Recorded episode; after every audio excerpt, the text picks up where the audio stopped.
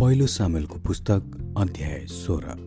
सामेलले दाउदलाई राजा अभिषेक गरेका परमप्रभुले समेललाई भन्नुभयो मैले साउललाई इजरायलमाथि राजा हुनलाई इन्कार गरेकोमा त त्यसको निम्ति कहिलेसम्म विलाप गरिरहन्छस्?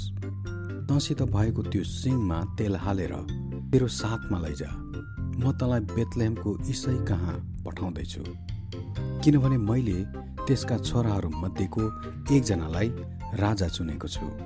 तर सामुलले भने म कसरी जान सक्छु र साउलले यो कुरा सुनेर मलाई मार्नेछन् परमप्रभुले भन्नुभयो एउटा कोरली तसँग लैजा। परमप्रभुको निम्ति बलिदान चढाउनलाई आएको हुँ भन्। इसैलाई पनि त्यस बलिदानमा निम्ति दे। र तैँले के गर्नुपर्नेछ म तँलाई बताउनेछु। जुन मानिसलाई म देखाउनेछु तैँले त्यसलाई अभिषेक गर्नु।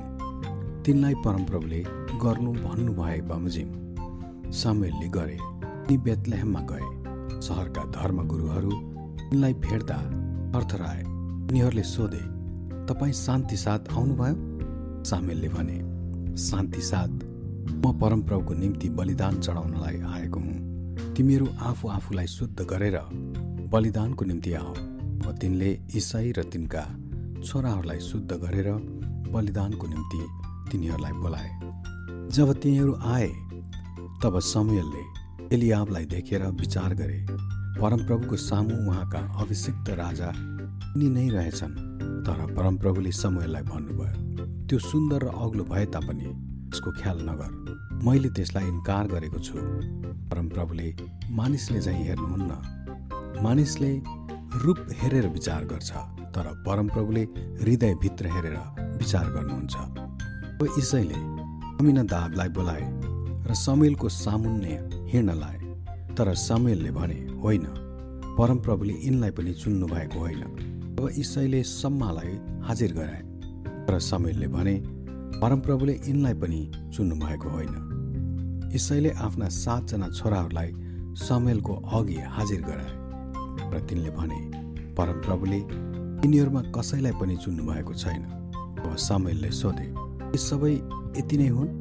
इसैले जवाब दिए अझै कान्छो पनि छ तर त्यो त भेडा चलाउँदैछ समयले इसैलाई भने त्यसलाई बोलाऊ ऊ नाउन्जेल हामी बस्ने छैनौँ। यसकारण इसाईले तिनलाई ल्याउनलाई मानिस पठाए।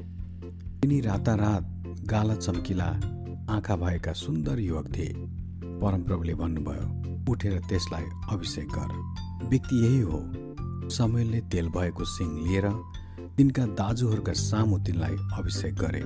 अब परमप्रभुका आत्मा दाउदमाथि आउनुभयो र त्यस दिनदेखि उसो तिनीसँग रहनुभयो। त्यसपछि समुएल र रामाको बाटो लागे।